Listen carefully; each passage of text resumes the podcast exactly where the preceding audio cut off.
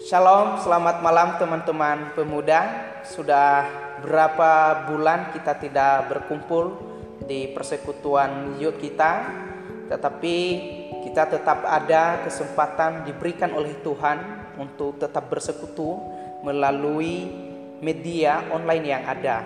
Kami berharap teman-teman pemuda dapat mengikuti menontonnya dan kita bisa bertumbuh bersama di dalam iman walaupun situasi ini cukup sulit tetapi kiranya iman kita tidak kendor tetapi semakin berkobar untuk mencari Tuhan belajar tentang Tuhan dan bertumbuh di dalam Tuhan. Nah, malam hari ini kita akan bahas uh, tentang tema yang sesuai dengan jadwal yaitu pergaulan bebas.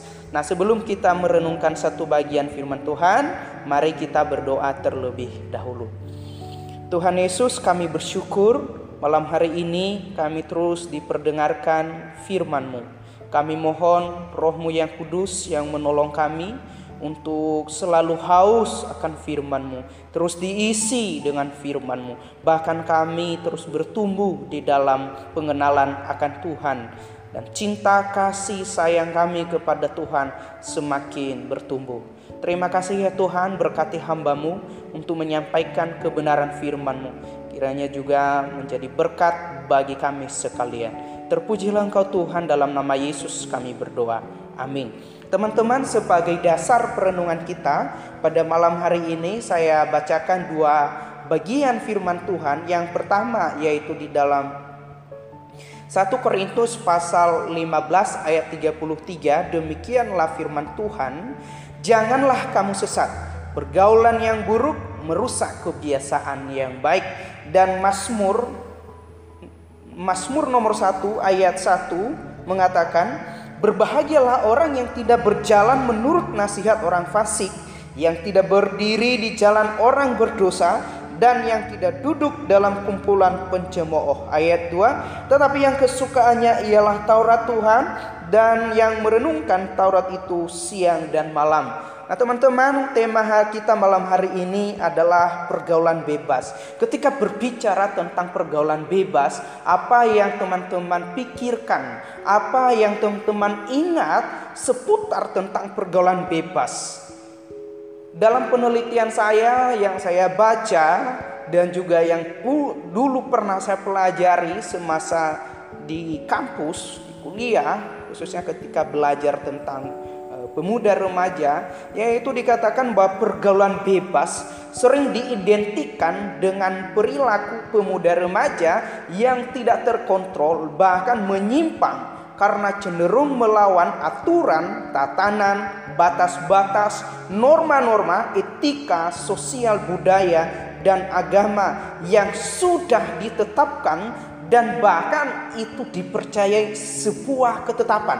Nah, ini dia suatu perilaku yang sering melawan, suatu perilaku yang tidak mentaati apa yang sudah ditetapkan. Dikatakan pergaulan artinya proses bergaul, lalu dikatakan bebas artinya melawan atau lost control. Nah, teman-teman, inilah pergaulan bebas, inilah realita yang terjadi di dalam hidup anak muda saat ini. Saya menggolongkan sebagai pemuda remaja dalam hal ini. Teman-teman, apa sih sebenarnya penyebab terjadinya pergaulan bebas di kalangan pemuda remaja? Yang pertama adalah kita melihat modernisasi, perubahan pikiran dan perilaku yang disebabkan oleh tuntutan zaman yang terus berubah dari zaman ke zaman. Artinya bahwa ada modernisasi terus pembaharuan, pembaharuan yang ada.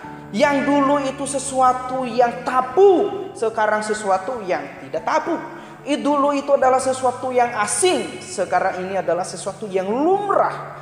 Contohnya, kalau dulu anak muda kalau pacaran tidak boleh pegangan tangan. Sekarang itu bagi kita sesuatu yang tabu kalau dulu ya. Tapi sekarang itu sesuatu yang lumrah. Bahkan dikira ketika kita tidak melakukan hal itu, kita dianggap sebagai orang-orang yang kuno, yang tidak berpikir lebih jauh ke depan, bahwa itu sesuatu yang kita butuhkan di dalam relasi. Yang kedua adalah teknologi.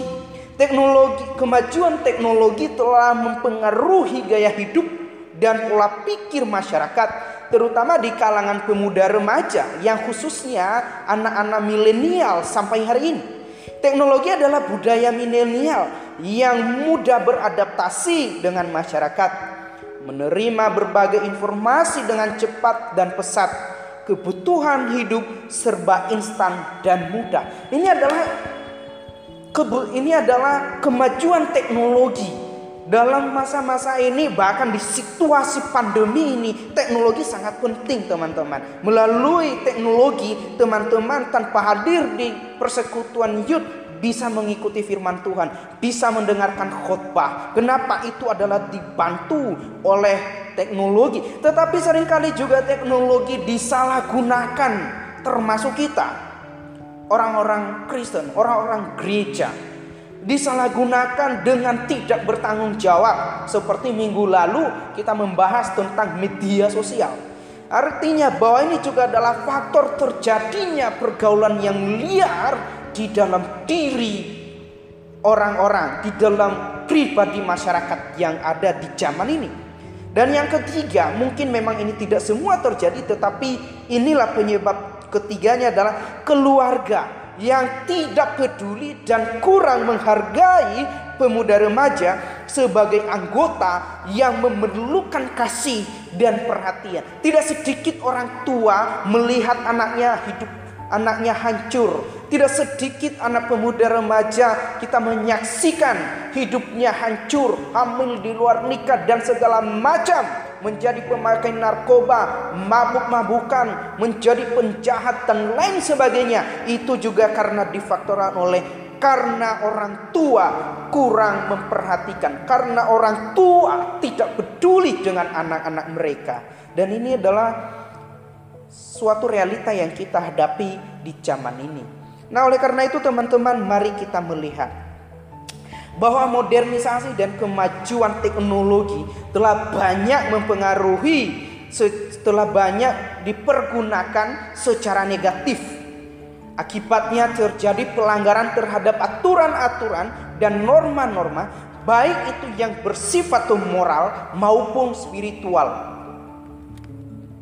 Teman-teman kalau kita melihat kalau zaman dulu saya sudah mengatakan tadi bahwa teknologi zaman dulu tidak secanggih saat ini. Orang-orang dulu orang tua kita bahkan zaman kita juga sempat kalau pergi sekolah harus bawa buku paket dan segala macam. Coba teman-teman lihat sekarang remaja-remaja yang masih remaja yang masih SD bahkan di zaman ini Siswa-siswa itu nggak mesti belajar pakai buku, semua bisa dilihat di dalam tab, handphone dan segala macam.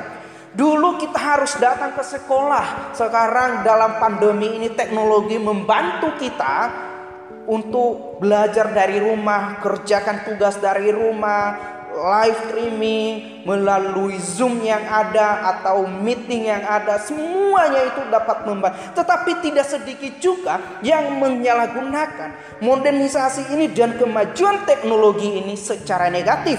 Contohnya dalam pergaulan anak muda, ketika mereka pacaran tidak segan-segan. Yang lebih lucunya adalah anak remaja, anak sekolah yang masih SD sekalipun saat ini, kalau teman-teman melihat baik melalui media sosial, bahkan mengikutinya di televisi, ada anak sekolah SD sudah pacaran. Dan lebih ironisnya, mereka tidak malu-malu, tidak takut-takut membagikan story mereka, cerita mereka, pengalaman mereka melalui media sosial.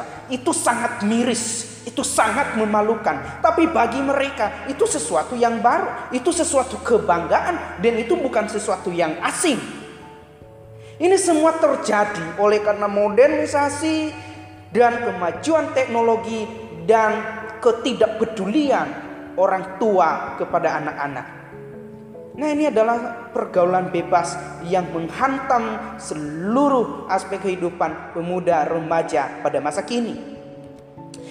Teman-teman yang dikasihi oleh Tuhan, seperti ayat yang sudah saya bacakan tadi, memperlihatkan kepada kita satu pandangan Alkitab juga yang dulu pernah ada mungkin konteksnya saja yang berbeda, tetapi sebenarnya prinsipnya adalah sama, melanggar, melawan frontal terhadap peraturan-peraturan yang ada. Itu sebabnya Rasul Paulus berkata kepada jemaat Korintus, "Janganlah kamu sesat. Pergaulan yang buruk merusak kebiasaan yang baik."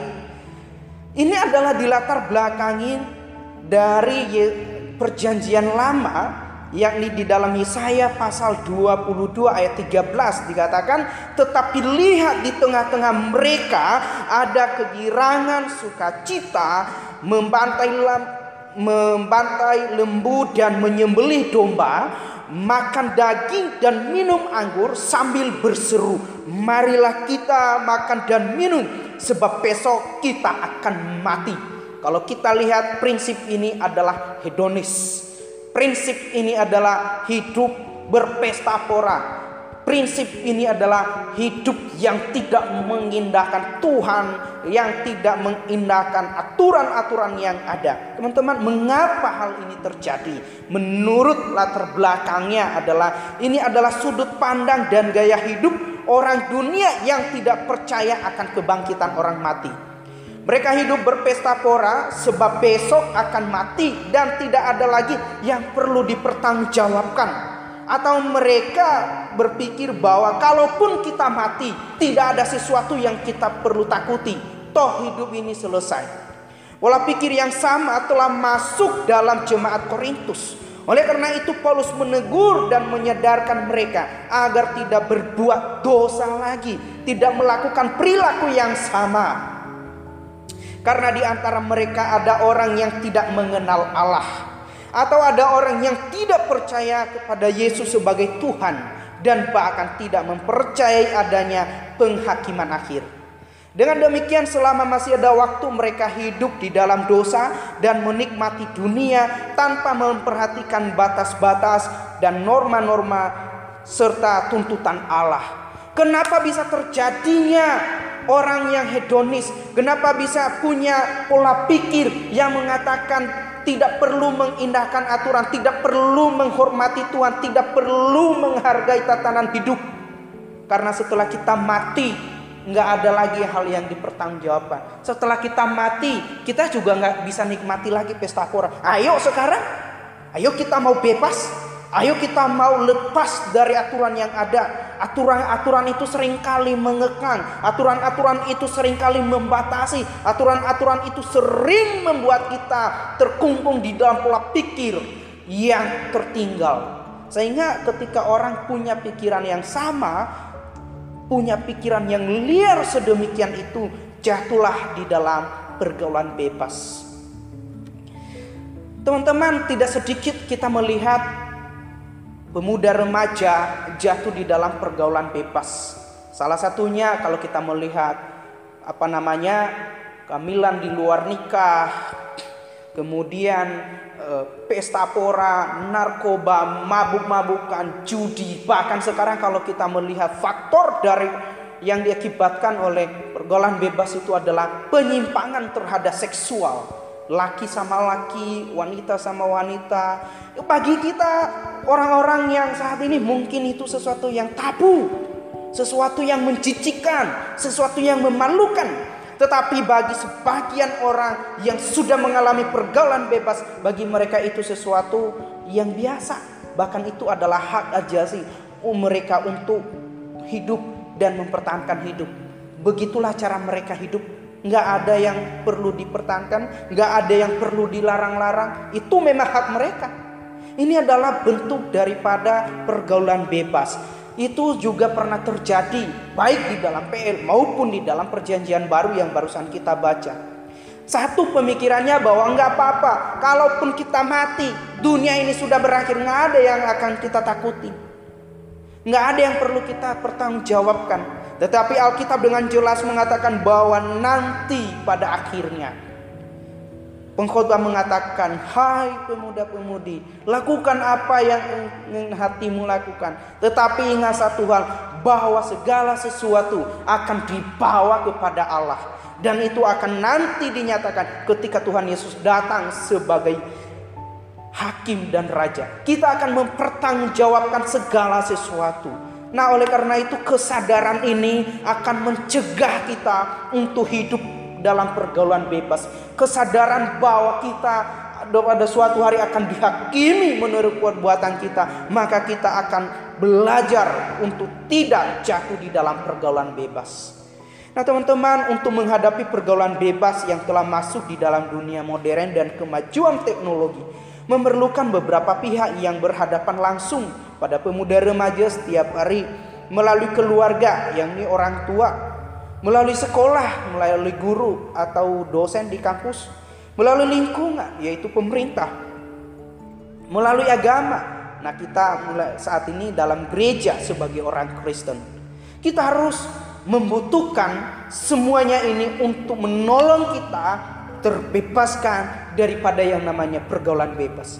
Sebagai orang percaya perlu memperhatikan beberapa hal agar kita tidak jatuh di dalam pergaulan bebas bahkan tidak menjadi korban daripada pergaulan bebas itu sendiri. Yang pertama menyadari bahwa kita adalah manusia yang dicipta segambar dan serupa dengan Allah. Kita adalah milik kepunyaan Allah yang dirancang sangat istimewa dari segala ciptaan yang ada. Ketika saya dan saudara dan teman-teman sekalian menyadari bahwa saya adalah mengenali diri saya, bahwa saya dicipta menurut gambar dan serupa Allah dengan Allah, maka saya tidak merusak gambar Allah yang ada di dalam diri saya. Saya tidak merusak moral yang ada di dalam diri saya. Saya tidak merusak sifat-sifat keilahian yang ada di dalam diri saya. Karena kita bukan dicipta seperti ciptaan lain. Kita dicipta sebagai manusia yang bermoral dan mengenal Allah.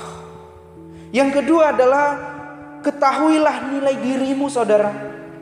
Petrus berkata, sebab kamu tahu bahwa kamu telah ditebus dari cara hidupmu yang sia-sia yang kamu warisi dari nenek moyangmu itu bukan karena barang yang tanah bukan pula dengan perak atau emas melainkan dengan darah yang mahal yaitu darah Kristus yang sama seperti darah anak domba yang tak bernoda dan tak bercacat Teman-teman, ketika kita menyadari nilai diri kita begitu tinggi, begitu berharga, begitu mulia, bahwa kita telah ditebus oleh darah yang mahal. Tuhan rela mengutus anaknya yang tunggal karena kita sangat dikasihinya, karena ia tidak mau ciptaan yang serupa dan segambar dengan dia rusak untuk selama-lamanya. Dia menebus kita melalui anaknya Yesus Kristus dengan darah yang mahal dengan sebuah nilai yang tidak bisa dibayar dengan apa pun.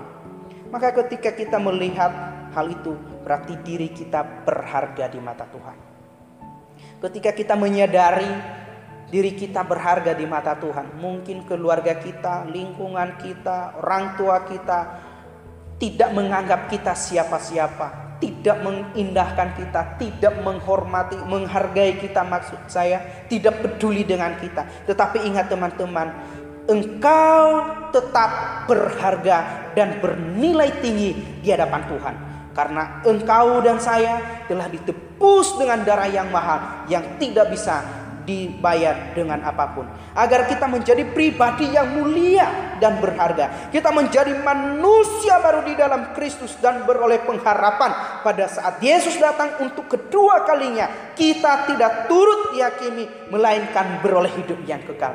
Itulah nilai dirimu, itulah nilai diri saya karena telah dibeli dan dibayar lunas dengan darah yang mahal. Ketika engkau mengerti bahwa dirimu berharga di mata Allah, bernilai tinggi, engkau pasti tidak merusak dirimu dengan cara apa pun, dengan masalah apa pun, tetapi engkau merendahkan diri di hadapan Tuhan. Aku berharga di mata Tuhan.